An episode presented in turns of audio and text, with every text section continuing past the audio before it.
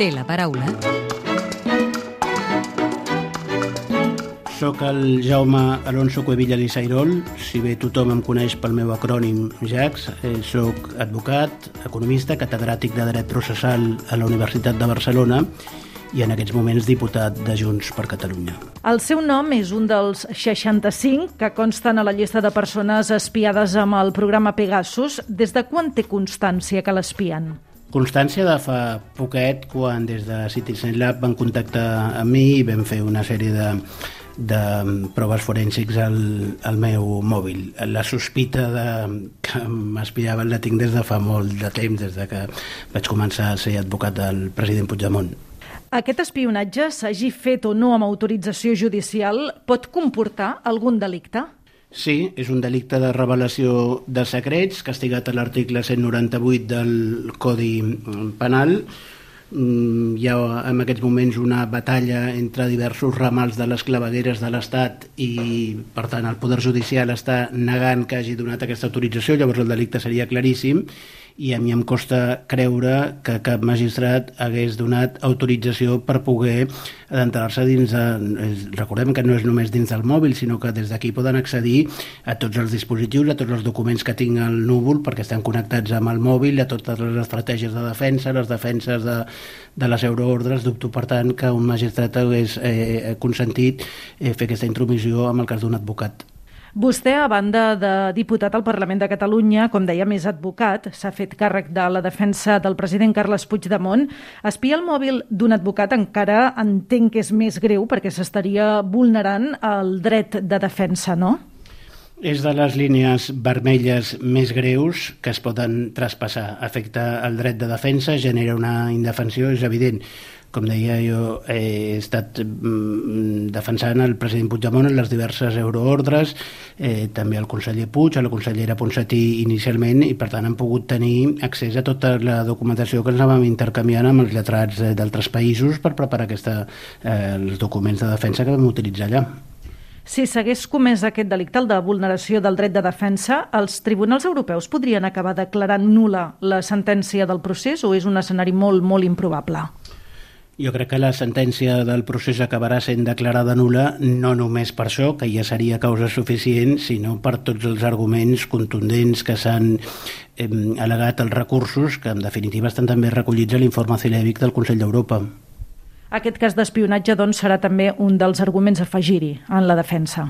Sí, Espanya no respecta els drets fonamentals o el Deep State espanyol no respecta els drets fonamentals. Eh, a Espanya se li dona poca importància, però en àmbits internacionals, òbviament, se li dona moltíssima importància. A nivell polític, quines conseqüències creu que hauria de comportar aquest cas? Dimissions o cessaments. Mm, és a dir, si algun membre del govern ha autoritzat aquests, aquest espionatge massiu, sigui els serveis secrets, sigui a qualsevol cos policial, té una responsabilitat que fins i tot s'adentra al terreny penal, una responsabilitat per complicitat amb la comissió d'un delicte i, i d'un delicte de, eh, del 198 que deia abans i de malversació i si no en tenien coneixement llavors han de dimitir per una negligència absoluta. No pot ser que hi hagin serveis secrets, que hi hagin eh, agents de l'Estat actuant per lliure sense cap control polític. Deixem de banda, si li sembla, l'anomenat Catalangate i permeti'm ara una pregunta sobre el futur judicial de Carles Puigdemont. La resposta a les euroordres és clau en la batalla europea. Creu que l'independentisme guanyarà aquesta batalla i que Puigdemont podrà tornar aviat a Catalunya? Crec que guanyarà aquesta batalla eh, i que, per tant, tindrà reconegut el dret a tornar a, a Catalunya i ha tornat, a tornar dins el que és el territori de la jurisdicció espanyola. Eh, una altra cosa és si l'estat espanyol estarà disposat a, a, a respectar-ho o no. I ara hi ha una altra possibilitat, que és que el president Puigdemont torni com a membre d'una delegació del Parlament Europeu per investigar el Catalangate. Com a membre de la comissió d'investigació que s'ha creat al Parlament Europeu per a investigar aquest espionatge, eh, hi ha possibilitat eh, que ell torni sense ser detingut? Si ell entra com a membre d'una comissió del Parlament Europeu, entenem que l'estat espanyol no s'atrevirà a detenir-lo. I això serà així? Vindrà? Eh, és una possibilitat. És una possibilitat eh, remota o que està sobre la taula? És una possibilitat probable. Amb això tindria una immunitat especial? És evident que si el president Puigdemont eh, entra en territori espanyol com a membre d'una delegació del Parlament Europeu, té tota la protecció d'aquesta condició. I si vingués com a membre d'aquesta comissió d'investigació del Parlament Europeu, eh, podria, per exemple, mm, interrogar el CNI? Doncs, evidentment, els membres d'aquesta comissió vindran a fer això. Veurem si aquesta comissió s'aprova, quina és la eh, predisposició que té l'estat espanyol, però sobre el paper tot això és possible. Parlant de batalles judicials, n'hi ha una altra que està oberta més a prop al Parlament de Catalunya o que afecta la presidenta del Parlament de Catalunya, que està sent investigada per eh, presumptes irregularitats quan dirigia la institució de les lletres catalanes. El reglament del Parlament diu que en casos de corrupció s'han de suspendre els drets i deures dels diputats tan bon punt sobre judici oral. S'aplicarà aquest article del reglament a la presidenta Borràs? L'article per mi és clarament inconstitucional i per tant eh, no hauria de ser objecte d'aplicació. Però fins i tot si prescindíssim d'això, que, que no es pot prescindir insisteixo, eh, no defineix amb claritat el supòsit. Ha de ser un cas de corrupció. La corrupció no està definida al Codi Penal espanyol. Hi ha un conveni de Palerm que és el que defineix què és corrupció però sempre suposa que algú s'ha enriquit de forma injusta de, amb el patrimoni públic i això no és el cas ja que parlem de la presidenta del Parlament, seria una bona candidata per presidir Junts per Catalunya? Sí, per presidir Junts per Catalunya o per ser la secretària general, per liderar el partit. Jo crec que és la figura més eh, forta del nostre, del nostre moviment i amb els nostres estatuts la, la figura forta organitzativament és el secretari general. Fins avui, com que el president era el president Puigdemont, ningú s'ha qüestionat quin paper estatutari juga un i un altre, però la figura veritablement rellevant és la del secretari general.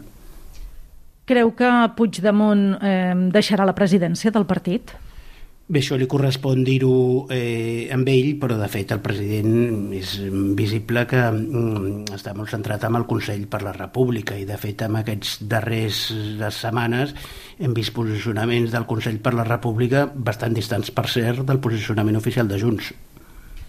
Creu que farien un bon tàndem Jordi Turull i Laura Borràs per dirigir Junts?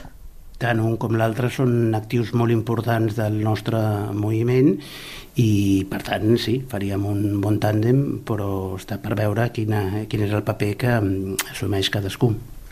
Si li sembla bé, ens endinsem ara en el terreny més personal i li demano si pot contestar amb respostes tan breus com sigui possible.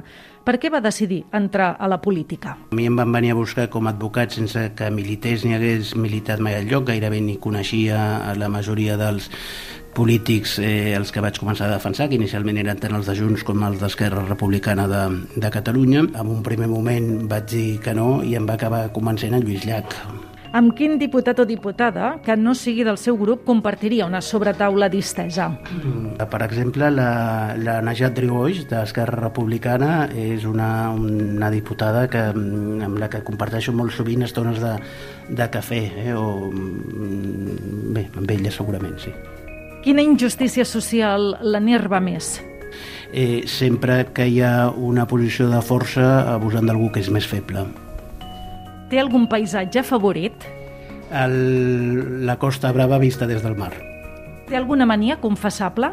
Manies moltes, eh? confessables eh, sí també, perquè entre altres coses el CNI ja n'és conscient i per tant les poden divulgar en qualsevol moment la gent que ha treballat amb mi m'acusa de ser excessivament perfeccionista i això de vegades és un problema. Eh? Per exemple, quan em passen un escrit per corregir, si veig que queden dos espais entre dos paraules, ho detecto i ho faig corregir. Eh? Això paralitza de vegades una mica l'eficàcia. I ja per acabar, completi la frase següent. El que més m'agradaria del món és... Veure créixer els meus fills en un país lliure i just. Jaume Alonso Cuevillas, diputat de Junts per Catalunya al Parlament, gràcies per atendre'ns a l'hemicicle de Catalunya Informació. A vosaltres, moltes gràcies. Podeu tornar a escoltar l'hemicicle al web catradio.cat barra hemicicle o al podcast del programa i seguir l'actualitat del Parlament al perfil de Twitter arroba L-hemicicle.